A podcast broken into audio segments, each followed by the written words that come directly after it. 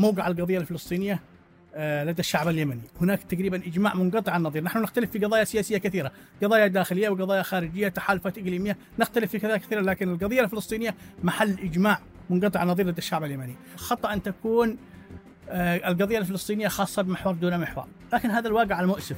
المفروض أنها قضية عربية قضية إسلامية الكل يقف معها ليست قضية محور. هل كان للحوثيين أن يستهدفوا السفن المبحرة في طرق الملاحة الدولية بهذه الدقة دون ما معلومات استخبارية إيرانية؟ لا ننكر أي علاقة يعني لا ننكر علاقتنا مع إيران هناك علاقة تعاون على أكثر من صعيد وهذا شيء طبيعي لكن مستوى القرار نحن من نتخذه والجيد في إيران في الإيرانيين آه أنهم يعني في تحالفاتهم أنها لا تفرض عليك أي شروط سياسية سواء الأمريكيين أو السعوديين أو كل من دخل معنا في حوار يعرف هذا، يعرف جيدا. بل إن هناك بعض المظاهرات خرجت في بعض المدن الخاضعه لسيطره الحوثيين قبل السابع من أكتوبر، ثم جاءت هذه العمليات لتلقي لكم بطوق نجاة داخلي سياسيا واقتصاديا. الأخوة في السعودية لديهم هذا التوجه أن نمضي فيه بغض النظر عن ما يجري في البحر الأحمر، لكن هناك إرادة أخرى تعرقل وتحاول ابتزاز الموقف اليمني بهذا أو أو أن تحول الاتفاق إلى ورقه ضغط يعني كل الدول العربية أعتقد تحركت وإن لم يكن بالشكل المطلوب. ونحن لا يعني لا نفرض على أي دولة آه ماذا تفعل. لكن نحن تحركنا بالوسائل المتاحة إلينا. ولو كان لدينا وسائل أخرى غير البحر الأحمر لعملناها متابعينا الكرام متابعي منصة أثير الرقمية السلام عليكم ورحمة الله وأهلا بكم في حلقة جديدة من أسئلة الحدث. البحر الأحمر على صفيح ساخن. جماعة أنصار الله الحوثي تستهدف سفن الشحن المرتبطة بإسرائيل في البحر الأحمر والولايات المتحدة ترد بحشد أنصارها وحلفائها وشن غارات على اليمن. كل ذلك يحدث بالتوازي مع الحرب الإسرائيلية على قطاع غزة والمآسي التي يشهدها القطاع. يسعدنا أن يكون معنا لمناقشة هذا الموضوع القيادي في جماعة أنصار الله الحوثي وعضو فريق التفاوض الأستاذ عبد الملك العجري. مرحبا بك أستاذ عبد الملك. أهلا وسهلا أنا هنا اليوم لست عدوا لك ولست مهاجما لك وفي الوقت ذاته لن تكون هذه الحلقة منصة للترويج لجماعة أنصار الله الحوثي. نريد أن نبتعد قليلا عن الشحن العاطفي والشحن المرتبط بالمشاهد القادمة من قطاع غزة حتى نستطيع أن نقيم الموقف بعقلانية ونزاهة وإنصاف قدر المستطاع. هل جماعة الحوثي فعلا أبطال لأنهم وقفوا إلى جوار غزة في هذه المرحلة أم أن هناك أهداف أهدافا ومآرب سياسية أخرى؟ بداية أشكرك وأشكر القائمين على برنامج أثير على إتاحة هذه الفرصة. بالنسبة لسؤالك هل الحوثيين أبطال أو أنصر الله هل هم أبطال؟ أعتقد نحن لسنا في آه، ماراثون آه، للحصول على لقب البطولة. آه، ما يحصل هو من منطلق أو من مبدأ أخلاقي وإنساني وعربي أيضا. يعني المشاركة اليمنية ليست بحث عن عن سمعة معينة أو آه، كما يروج. يعني ما يحدث هو إسناد حقيقي لإخواننا في غزة أمام الهجمة الشرسة التي يواجهونها آه، والإسناد الغربي منقطع النظير الذي لم يحصل في أي معركة قبل. آه، بهذا الحجم إلا ربما اللهم في حرب 73 حصل هذا الإسناد الغربي. فكان من الصعب أن نقف موقف المتفرج أمام ما يحدث من جرائم إبادة وأمام هذا الإسناد منقطع النظير فكان هناك مبررات كثيرة أو هناك آه، دواعي ومحفزات كثيرة سواء من ناحية إنسانية سواء من ناحية قومية سواء من ناحية إنسانية. يعني بأي كل المقاييس هناك مبرر لما يحصل آه، أو لهذا الإسناد الذي يحصل. في أحد اللقاءات مع آه، مسؤول أوروبي رفيع كنا نتحدث عن مشكلة البحر الأحمر. وكان يقول يعني هم ينظرون إلى ما يحدث أنه تصعيد. وقلت بأي بأي معيار وبأي مقاييس وبالاستناد إلى أي قانون تعتبرون ما يحصل في البحر الأحمر تصعيد. بينما الاسناد الغربي آه لعمليات الإبادة التي تقوم بها إسرائيل تسمونها دفاع عن النفس. يعني الاسناد الغربي بدءا من يعني منذ بداية عمليات طوفان الأقصى آه الرئيس الأمريكي بايدن زار تل أبيب. الرئيس الفرنسي زار تل أبيب. رئيس الوزراء آه البريطاني زار تل أبيب. المستشار الألماني زار تل أبيب. آه، كل القادة الأوروبيين تقريبا زاروا تل أبيب لتقديم ما يلزم من خدمات سياسية أو من تسهيلات سياسية واقتصادية وعسكرية لتستط... لتمكن إسرائيل الدولة النووية من القيام بعمليات الإبادة الجماعية. آه، ولمواجهة جماعة تملك إمكانيات من المقاتلين تملك إمكانيات بسيطة. وشعب محاصر في 40 كيلومتر تقريبا. محاصر من البر من البحر من الجو. ولا تسمون هذا تصعيد. هل معياركم لأسباب عنصرية باعتبار أن هؤلاء من أصول أوروبية مهاجرين من أصول أوروبية ولذلك ها يعني آه تساندون لأسباب عنصرية؟ فنحن كذلك لدينا دوافع وأسباب من هذا القبيل. فهؤلاء اولا عرب ونحن عرب وهؤلاء مسلمين وهناك دوافع تكفي لهذا. وإن كان لأسباب إنسانية أو على أساس إنساني فيفترض أن الاتحاد الأوروبي وكل دول الاتحاد الأوروبي وأمريكا وبريطانيا وكل الدول العربية وكل دول العالم تقف مع الفلسطينيين في مواجهة هذه الإبادة لأن القانون الإنساني آه، يحتم عليهم الوقوف أمام هذه الإبادة، اذا لدينا مبررات كافية للقيام بهذا الموقف، يعني من الصعب جدا ومن المعيب الا آه، يحدث أي موقف مسانده لغزة، أن يحصل هذا الإسناد غير المسبوق، يعني حصلت مواجهات في غزة قبل هذا الفترة في 2008 في آه، أكثر من محطة حصلت مواجهات بين الإسرائيليين والفلسطينيين لكن لم يحصل بهذا الإسناد. هذا الإسناد يستطيع أن يكون هناك تحرك عربي مقابل أن يكون هناك تحرك ولو بالوسائل الممكنة. ليس المقصود إعلان حرب أو آه، إعلان حرب إقليمية لكن إسناد بقدر الوسائل المتاحة والممكنة. كل دولة لو قامت بواجبها كما قام الغرب لما لما إذا كانت الحرب قد توقفت. فهذا هو أعتقد خلفية الموقف اليمني. ولمزيد من الإيضاح لتفسير موقف خلفية الموقف اليمني اولا هناك موقف أو موقع القضية الفلسطينية آه، لدى الشعب اليمني. هناك تقريبا إجماع منقطع النظير. نحن نختلف في قضايا سياسية كثيرة. قضايا داخلية وقضايا خارجية تحالفات إقليمية. نختلف في كذا كثيرا لكن القضية الفلسطينية محل إجماع منقطع النظير لدى الشعب اليمني.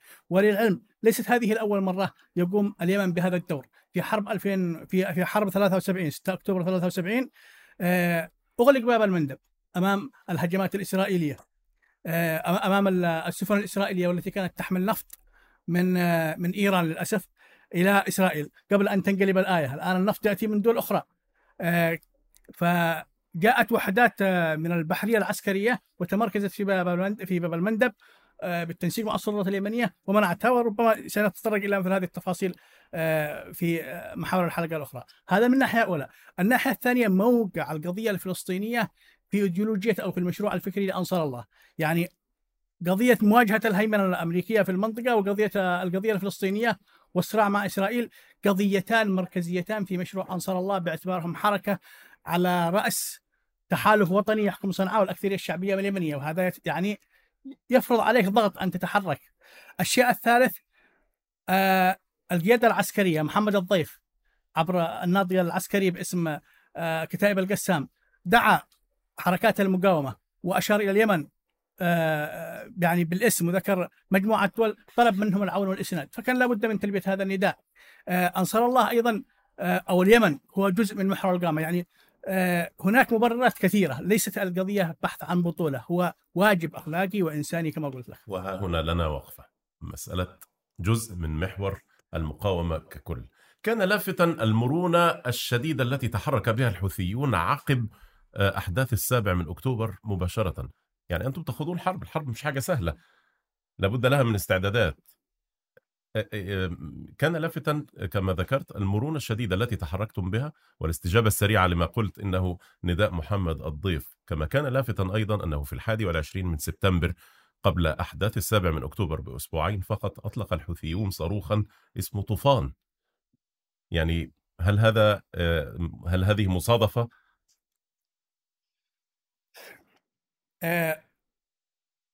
يعني بالنسبة للمرونة أعتقد كان هناك تقدير نوعا ما في بداية طوفان الأقصى وفقا للتجارب السابقة بأن العملية يعني كانت كل القراءات تقول أن العملية لن تستغرق وقت طويل، يعني حرب إسرائيل دائما هي حروب لا تتعدى الأسابيع أو الشهور. إسرائيل كانت تقديرات تذهب إلى هذا الاتجاه، كانت معظم التقديرات. فكان هناك ربما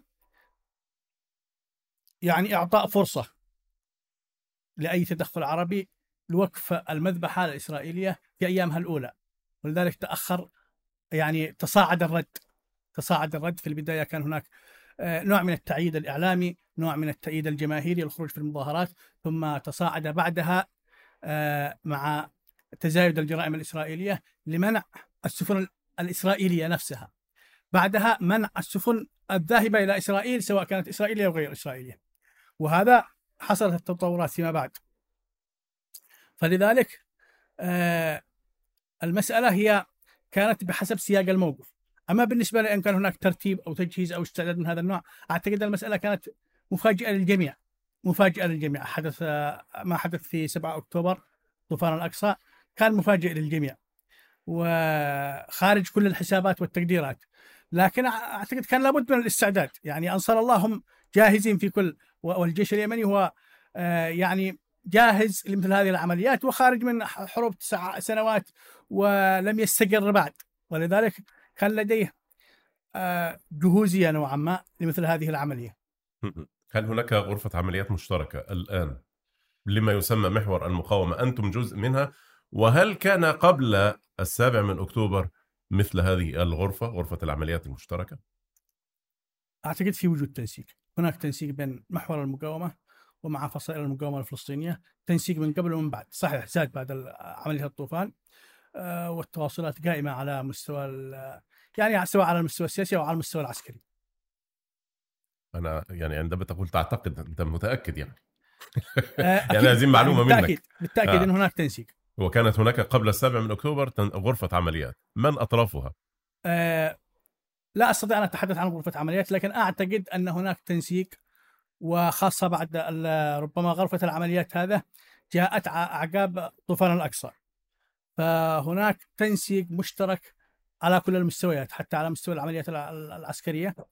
هناك تنسيق مع المقاومة الفلسطينية تنسيق مع الأخوة في حزب الله تنسيق مع الإيرانيين. في هذا باعتبار هناك محور يتحرك في كل الساحات على أساس أن هذا المحور هو جبهات إسناد. جبهات إسناد كل الدولات تتحرك بالوسائل المتاحة ما هي النقطة الحساسة مسألة الارتباط والارتهان للقرار الإيراني كما تردد في الدوائر الغربية وأيضا مخاوف بعض الدوائر العربية يعني إذا توصلت إيران إلى اتفاق مع الغرب بشكل أو بآخر ثم طلبوا منكم التوقف مثلا هل تتوقفون؟ هل هل الأمر مرتبط بقطاع غزة وما يحدث فيه أم مرتبط بالقرار المتصل بالتعاون والعلاقات مع إيران؟ آه، بخصوص الارتهان إذا تحدثنا عن مسألة الارتهان أعتقد نحن مرتهنين للأخوان الفلسطينيين لأنهم هم الذين وضعوا آه، محور المقاومة ووضعوا العالم أمام هذا الأمر الواقع.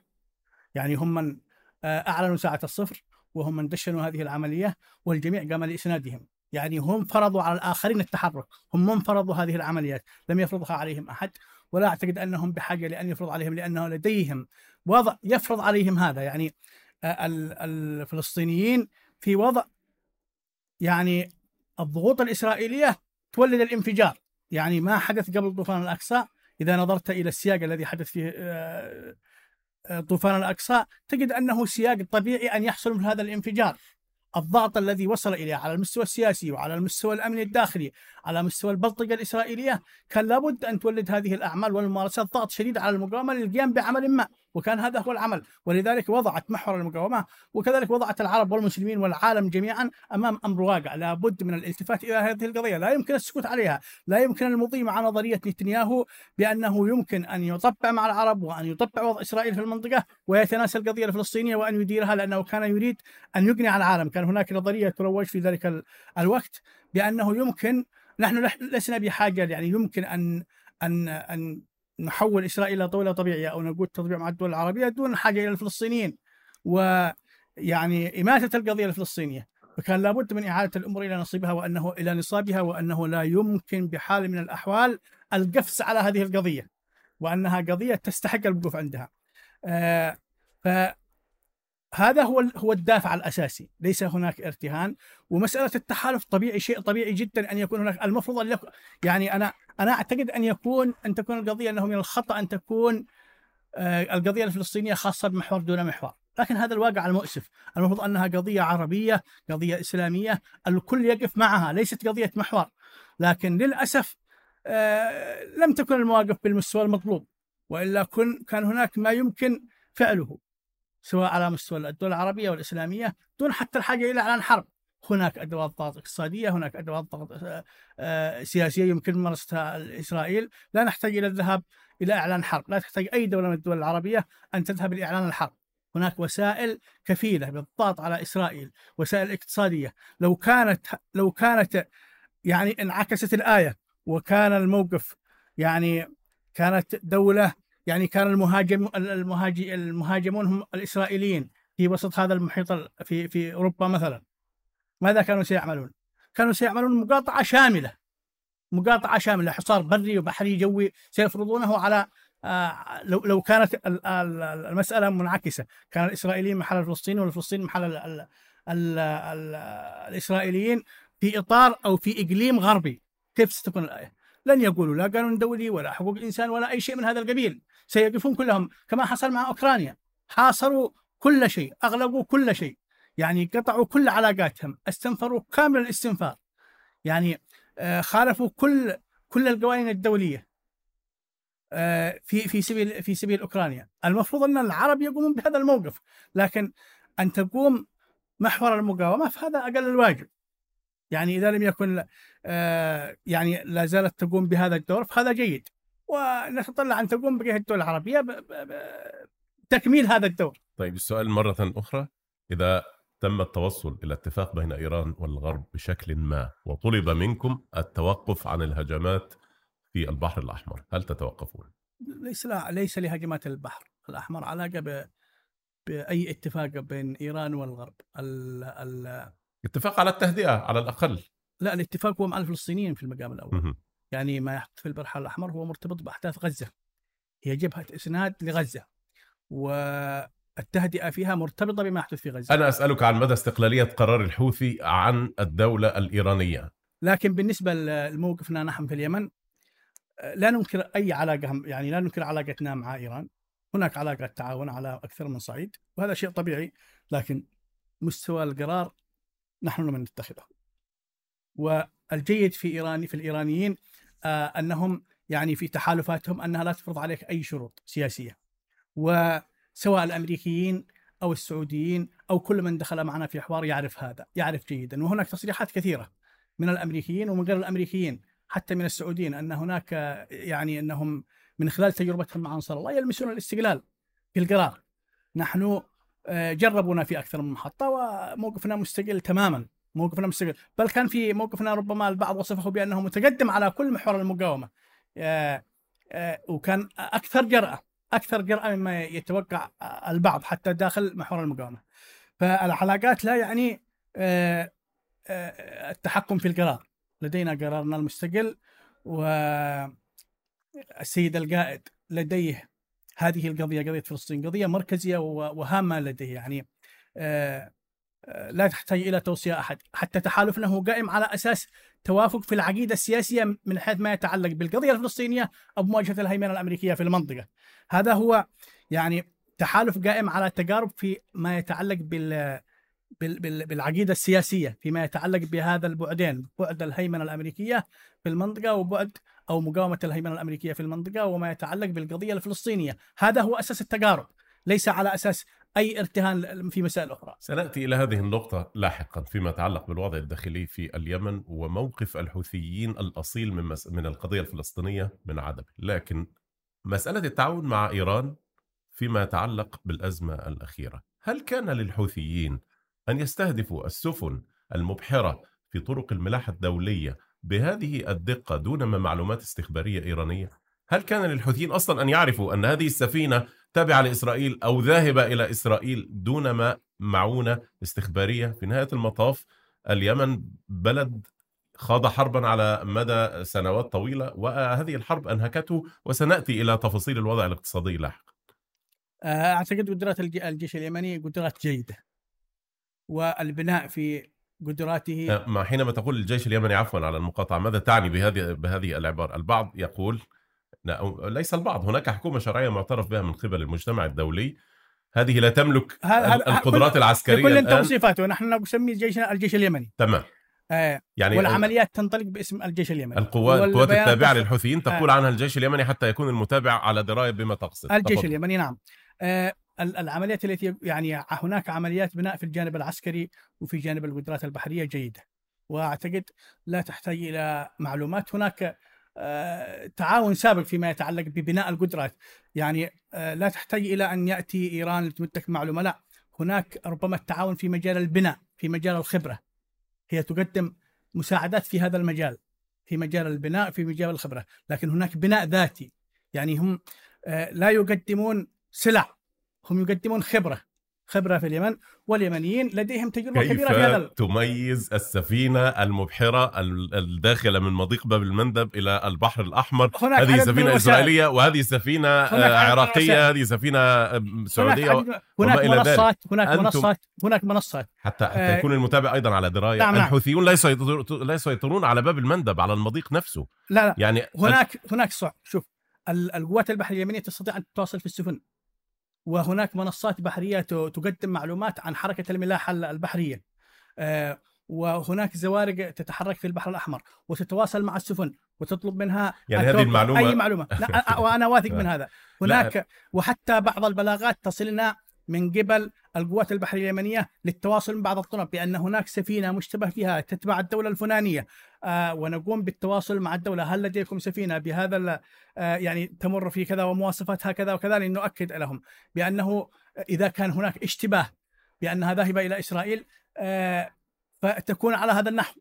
يعني لدى اليمن وأنا لا أملك الكثير من الخبرات العسكرية في هذا الجانب لكن أنا متأكد أن هذه المعلومات هي من يملكها الجيش اليمني وبوسائل تابعة للجيش اليمني وإذا هناك تعاون من أي دولة أخرى في هذا المجال فلا أعتقد أنها جريمة حتى لو فرضنا فلا أعتقد أنها جريمة أن يساعدنا أحد لا أعتقد أنها جريمة أنا في فقط أنا تحديدها. لا أتهمكم بشيء آه، كما وليست آت وليست. تهمة. أنا جاي لك ليست. لك جاي لك أنا أقول لك. فيما يحصل دعني أقول أنا أقول لك أن هذه هي الحقيقة فيما يحصل بالنسبة للجيش اليمني لديه قدرات جيدة في هذا المجال سواء في المجال الاستخباراتي في المجال المعلوماتي آه، أو في مجال القدرات العسكرية آه، لكن ولا ولا أعتبرها جريمة حتى أحاول نفيها أن يكون لديك معلومه لم معلومة. جريمة أنا أيوة. ولا ف... ولا لكن هذا هو الحقيقة وإذا كانت إيران تقدمها فأنا أشكرها أنا أشكرها نيابة عن الشعب اليمني وعن. الفلسطينيين أن تقدم لنا أي معلومة أو أي دولة أخرى تستطيع أن تقدم لنا معلومة عن سفينة إسرائيلية آه، أو سفينة تحمل بضائع إلى إسرائيل آه، فستكون فسيكون موقف جيد ومشكور أنا أنا أكرر مرة أخرى أنا جاي لك بقلب مفتوح وعقل مفتوح حتى نتعرف أكثر على تفاصيل هذا المشهد. ها؟ فمساله قد تكون إيران قدمتها وقد تكون آه، آه، قد يكون الحوثيون يحصلون عليها من خلال ما ذكرت إنها مواقع ترصد حركة الملاحة وسفن الشحن وما وما إلى ذلك. لكن هل هذه المعلومة غائبة عن الولايات المتحدة التي ظلت تردد هذا الاتهام للحوثيين بأنهم مرتبطون بإيران وإن إيران هي التي تزودهم بهذه المعلومات وبالتالي قد تكون ذريعة للتعامل مع إيران بشكل أكثر خشونة؟ هذا أمر يرجع إلى أمريكا. أها. إذا كان لديها معلوماتها فلتتصرف على قدر معلوماتها. هذا معلوماتنا أن الجيش اليمني يقوم بها ويتصرف بها وإذا كانت معلومات قدمت من جهة أخرى سواء إيران أو غيرها فهي معلومات مقدرة لدينا. الأنشطة الحوثية في البحر الأحمر تقلق كثير من الدول العربية بل بالعكس تضررت منها بعض الدول العربية الكبيرة مثل مصر. مصر تمر بأزمة اقتصادية طاحنة. تحتاج إلى كل قرش يدخل إلى خزينتها. في هذا الوقت الأنشطة الحوثية قلصت من حجم التجارة العالمية المتجهة إلى قناة السويس بنسبة معتبرة.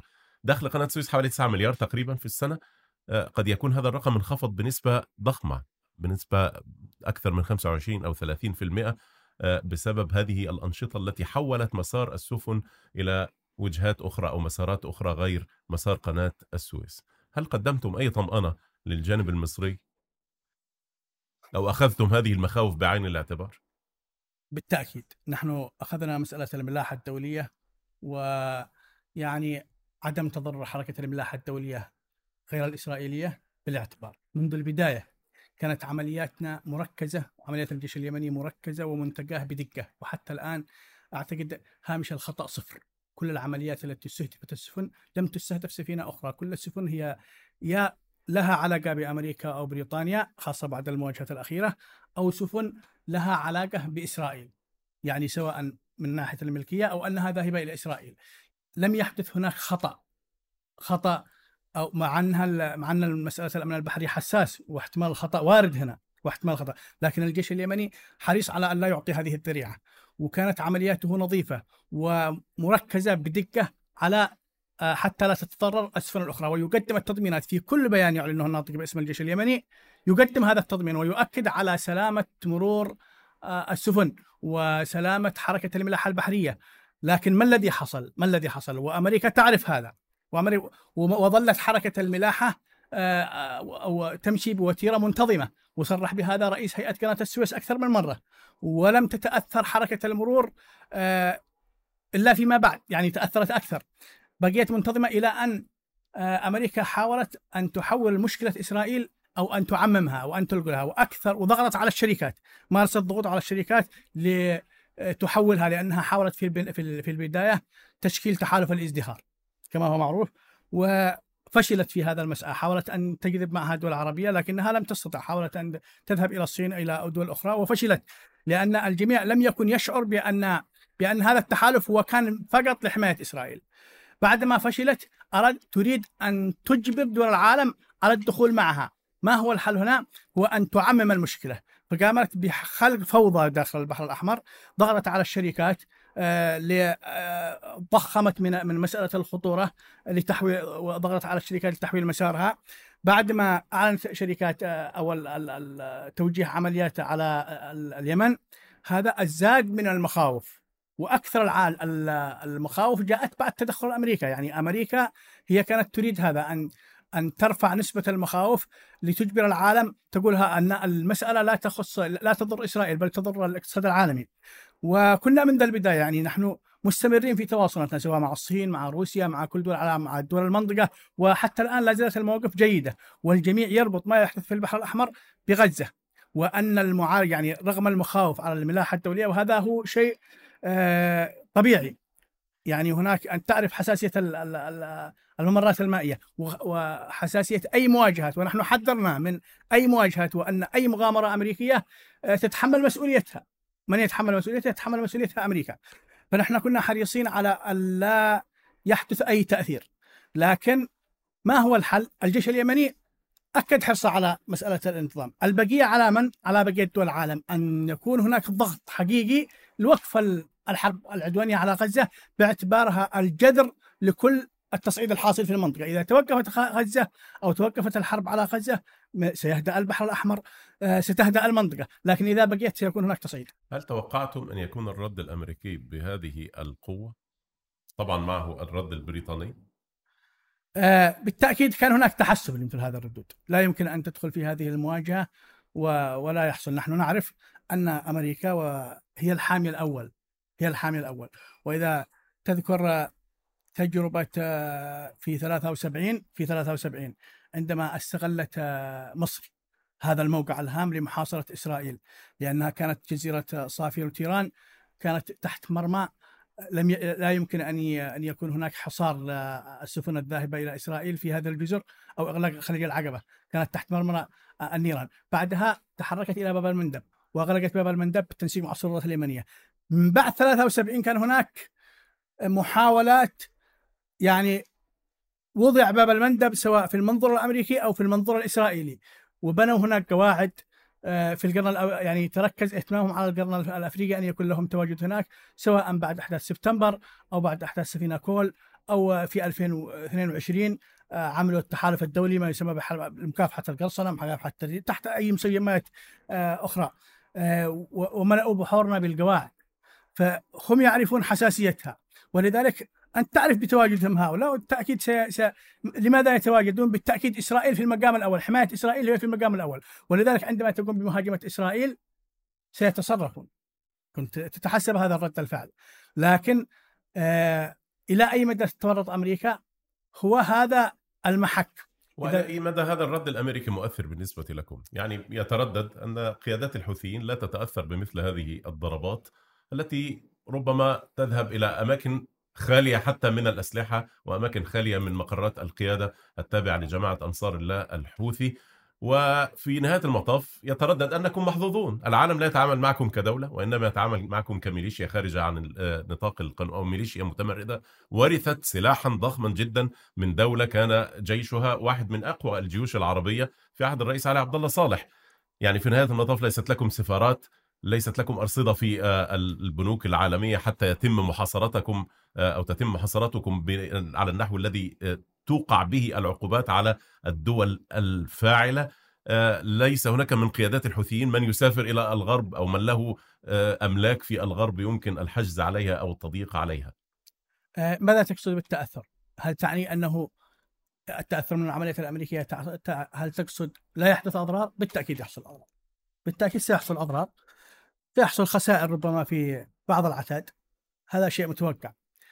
لكن إذا كنت تقصد بالتأثير أنه سيؤثر على الموقف اليمني فلن يحصل هذا لن يتوقف الموقف اليمني أو لن لن يغير أبدا من الموقف اليمني إلا وقف الحرب في غزة هذا هو الذي من شأنه أن يؤثر على التهدئة في البحر الأحمر إذا حصلت إذا حصلت تهدئة أقصد أنه قد يردد البعض إن الثمن الذي يدفعه الحوثي ليس بهذه الضخامة يعني تأييد الموقف الفلسطيني وموقف المقاومة في قطاع غزة لا يدفع الحوثي مقابله الثمن الذي يمكن أن يدفعه حزب الله مثلا في جنوب لبنان أو الذي يمكن أن يدفعه حتى آه، فصائل المقاومة في آه، قطاع غزة. وإنما لا يتأثر الحوثي بهذه الدرجة لأنهم في نهاية المطاف ليسوا بدولة وعلى المعطيات التي آه، بينتها سابقا. يعني ليس بالضرورة أن يكون هناك تأثير بالغ أو أن يكون هناك ضرر بالغ وإلا لا يكون الموقف جيد. يعني هل تقصد هذا؟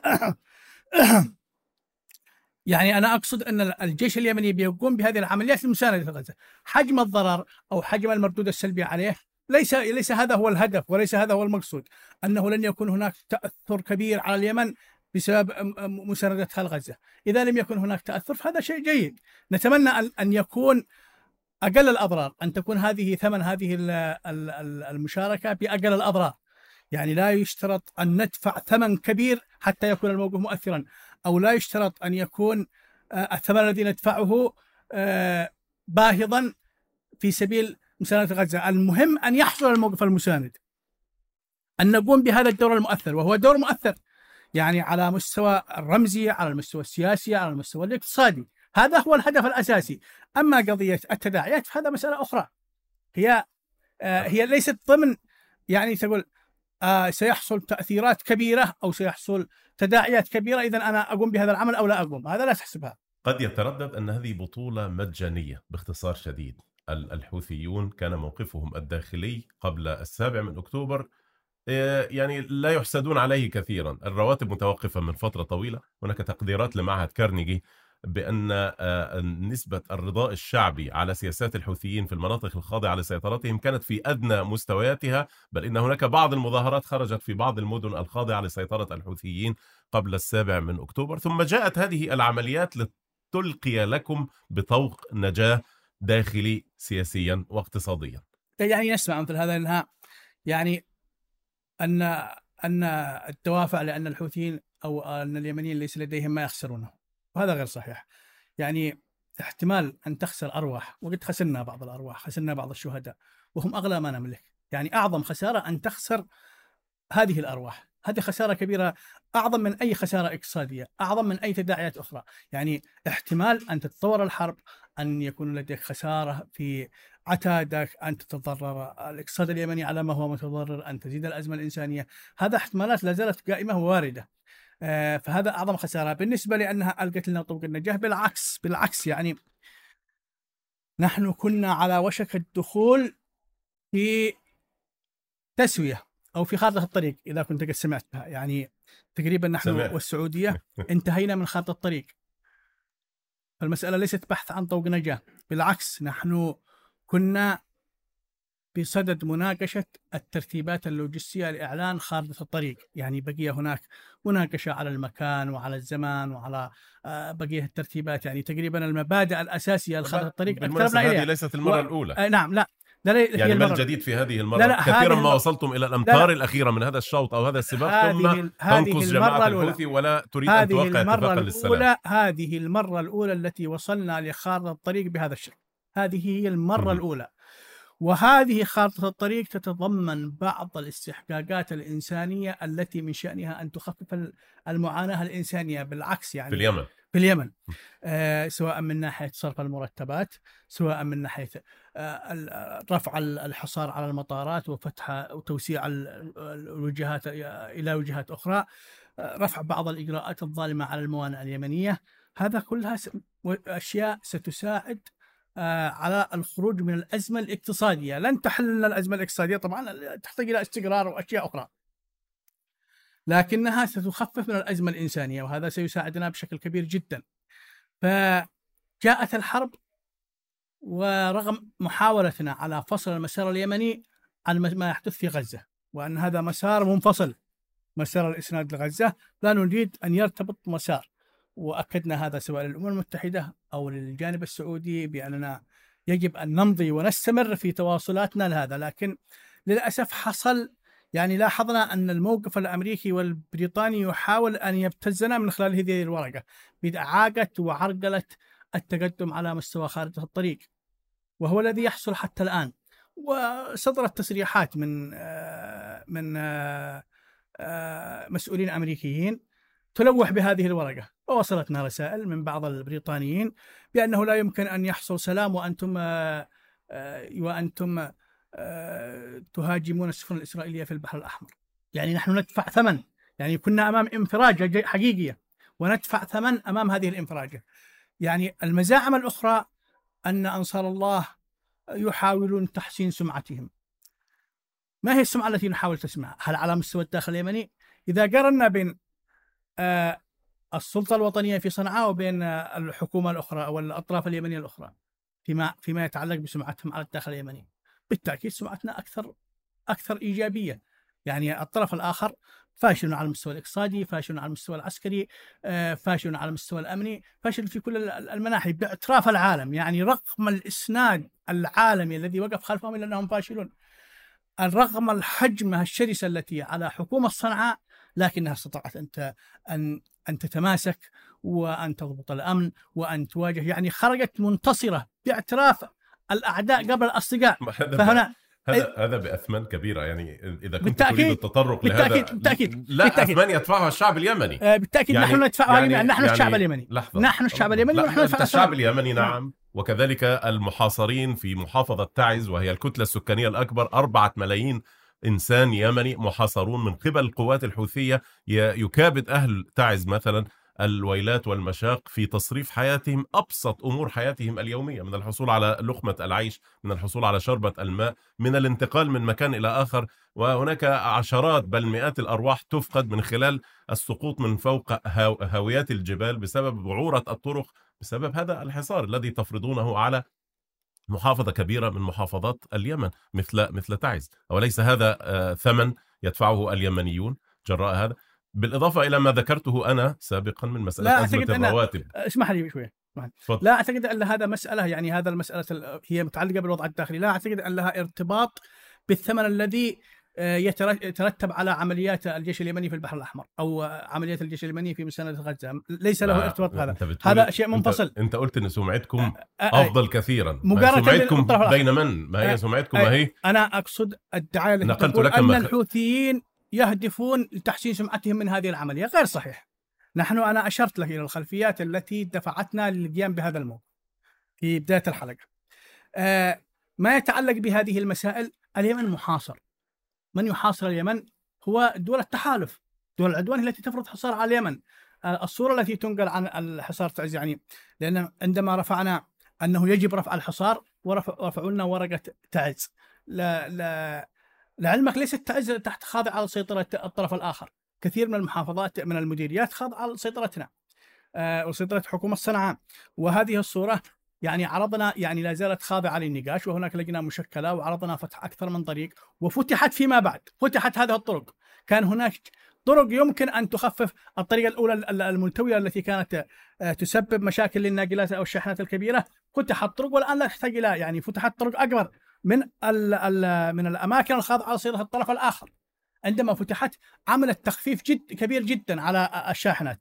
عرضنا أكثر من طريق عرضنا ثلاث طرق في في لجنة الطرقات. آه، برعاية الأمم المتحدة في أثناء المشاورات عرضنا أكثر من طرقات تستطيع أن تختصر ست ساعات إلى نصف ساعة. الست ساعات التي كانت تلتوي فيها الناقلات إلى نص ساعة، رفض الطرف الآخر لأنه كان يريدها عندما رفعنا ضرورة رفع الحصار على اليمن، الحصار البري والبحري الجوي والبحري.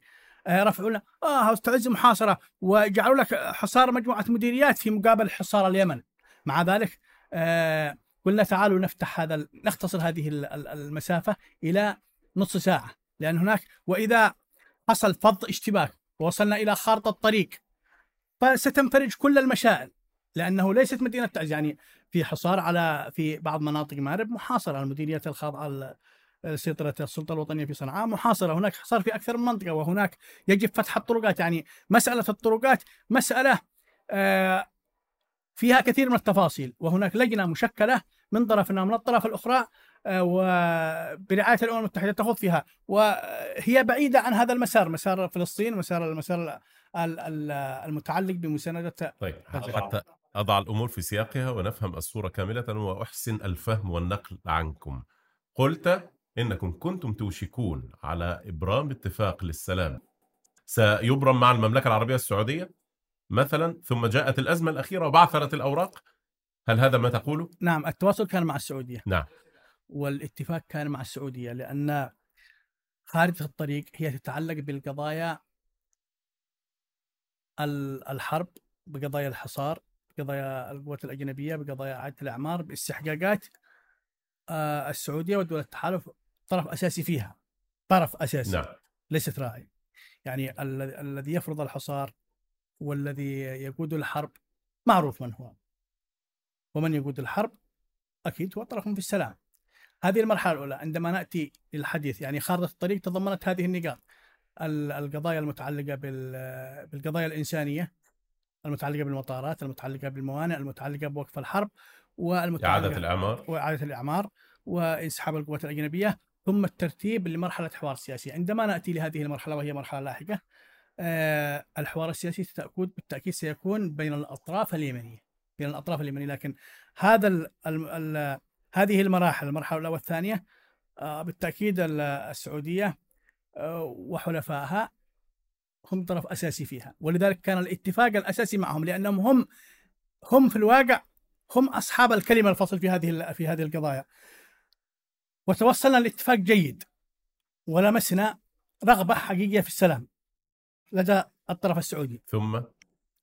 وتوصلنا لاتفاق جيد. آه. توصلنا لاتفاق جيد وكنا يعني الأمم المتحدة يعني نناقش التفاصيل أو اللمسات الأخيرة على الاتفاق والترتيبات لإعلان الاتفاق.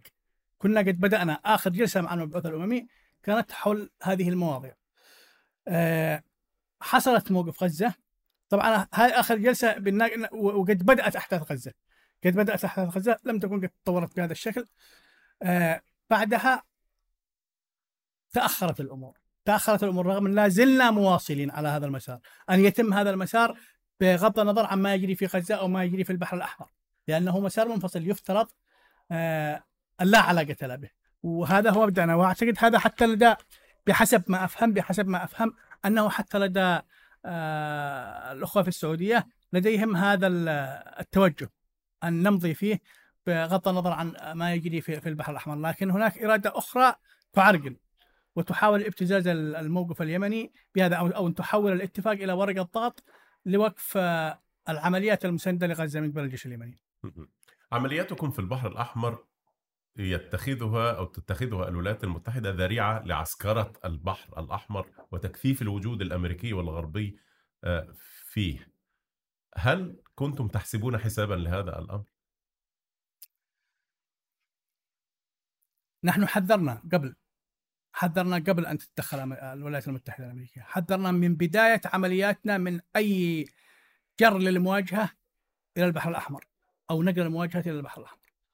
وكنا نقول عملياتنا مقتصرة على السفن الإسرائيلية، ولو تراجع البيانات من البيان الأول حذرنا على هذا الأساس، وكان لدينا تخوف بأن أمريكا تحاول حماية إسرائيل من خلال هذا من خلال افتعال فوضى أو نقل المواجهة حتى تصور العالم أن هناك مشكلة تواجه الملاحة الدولية وأنها ستؤثر على الاقتصاد العالمي.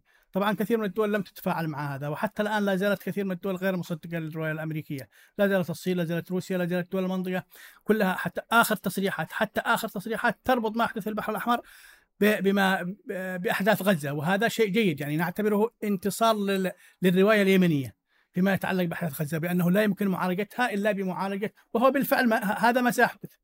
يعني لن يغير أي موقف لن يغير الموقف اليمني إلا التهدئه في غزة. هل, هل جرت اتصالات بينكم وبين الصين وروسيا؟ أو هل سعيتم بمستوى من المستويات أن تكثف الصين وجودها في هذه المنطقة لموازنة الموقف الأمريكي أو الوجود ليس على هذا المستوى. روسيا؟ ليس على هذا المستوى لكن هناك تواصلات على أساس التضمين بأن السفن الصينية وسفن بقية دول العالم لن تتعرض لأي أذى.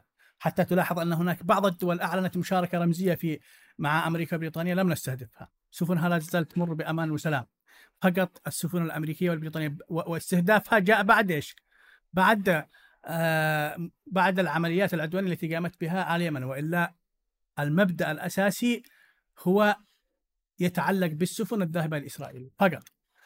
أما السفن الأمريكية والبريطانية فجاء رد فعل على العدوان رغم أن هناك دول أعلنت أنها تشارك أمريكا ونحن نعرف أنها مشاركة رمزية ليست بالقدر المهم. مع ذلك لم نعلن أي استهداف أي دولة من هذه الدول. حصرنا الرد على العدوان على السفن الأمريكية والبريطانية حتى لا نوسع نطاق المواجهة. لكن أمريكا هي التي تتعمد خلق هذه الفوضى.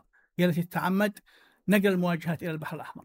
ونحن وهذا ما يدركه الكثيرين. يعني حتى خبراء أمريكيين. يقولون أن الهدف هو يعني في سبيل حماية إسرائيل تحاول أن تخلق فوضى في البحر الأحمر آه، في سبيل حماية إسرائيل، العالم تقريبا لديه هذا الفهم. يعني والذي يهمنا هو موقف الدول العربية، موقف مصر، موقف السعودية، موقف الدول المشاطئه العربية. و يعني أزيدك من من من الشعر بيت. يفترض يفترض أن يكون البحر الأحمر البحر الأحمر بحرا عربيا. للأسف.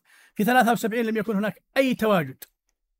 ولذلك تمكنت القوات البحرية المصرية من منعها دون أن تتعرض لأي أذى، لم يكن هناك أي تواجد أجنبي. لماذا هذا التواجد؟ كان أحد اهدافه التواجد.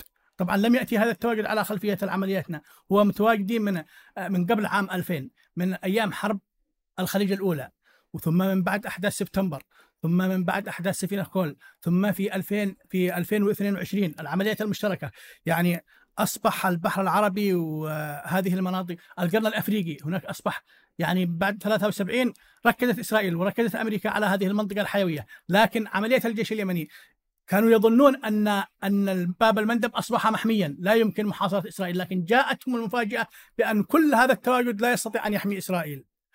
وأن القوة العسكرية لا تستطيع أن تحقق الاستقرار ولا يمكن أن تحقق الحماية الإسرائيلية، لا لا يستطيع أن يحمي المنطقة ويعيد الاستقرار إلا إعادة الأمور إلى نصابها والاعتراف بحقوق الآخرين، هذا هو الذي من شأنه أن يعيد استخدام القوة ثبت فشله ثبت فشله في أفغانستان ثبت فشله في آه في العراق ثبت فشله في لبنان ثبت فشله في اليمن والآن يثبت فشله مرة أخرى في غزة رغم السقف المرتفع الذي كان يرفعه آه نتنياهو وشركائه في حكومة الحرب الإسرائيلية بأنهم سيجثون حركة المقاومة من حماس من من غزة.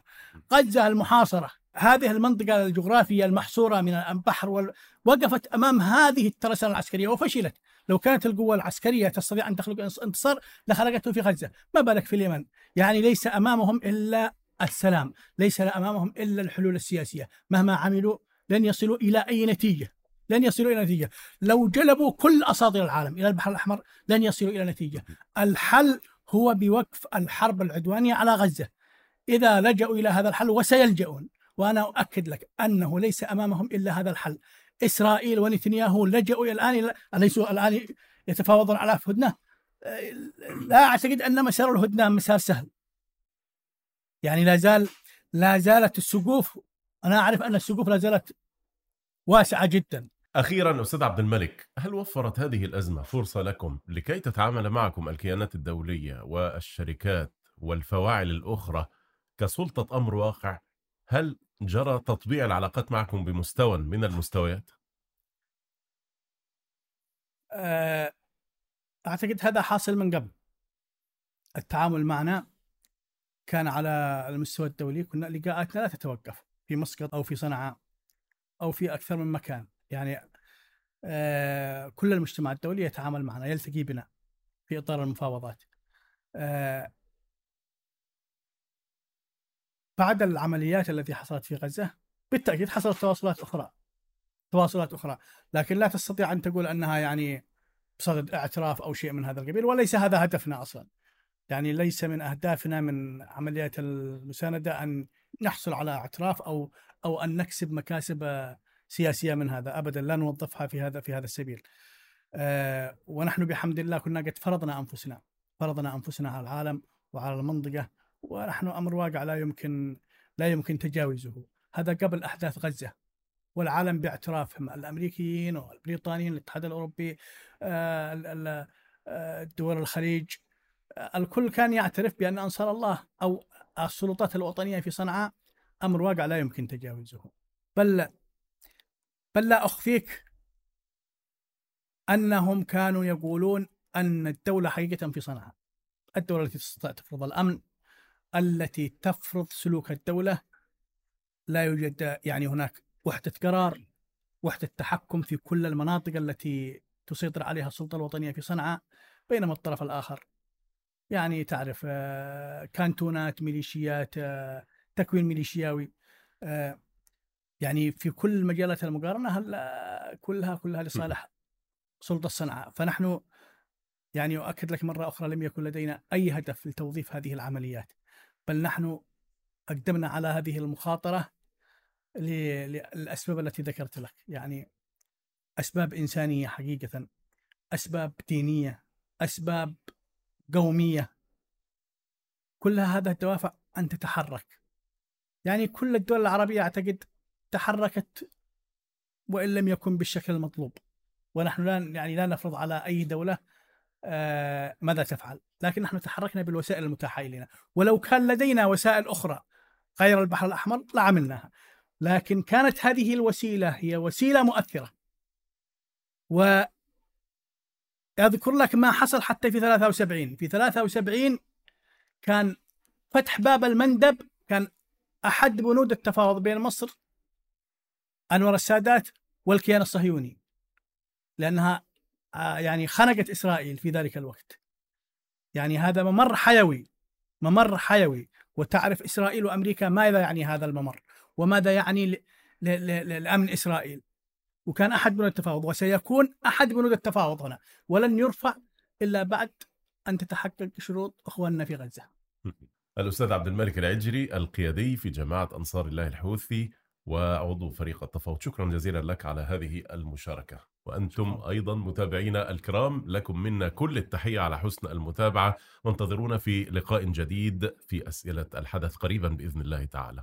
دمتم في أمان الله. والسلام عليكم. thank you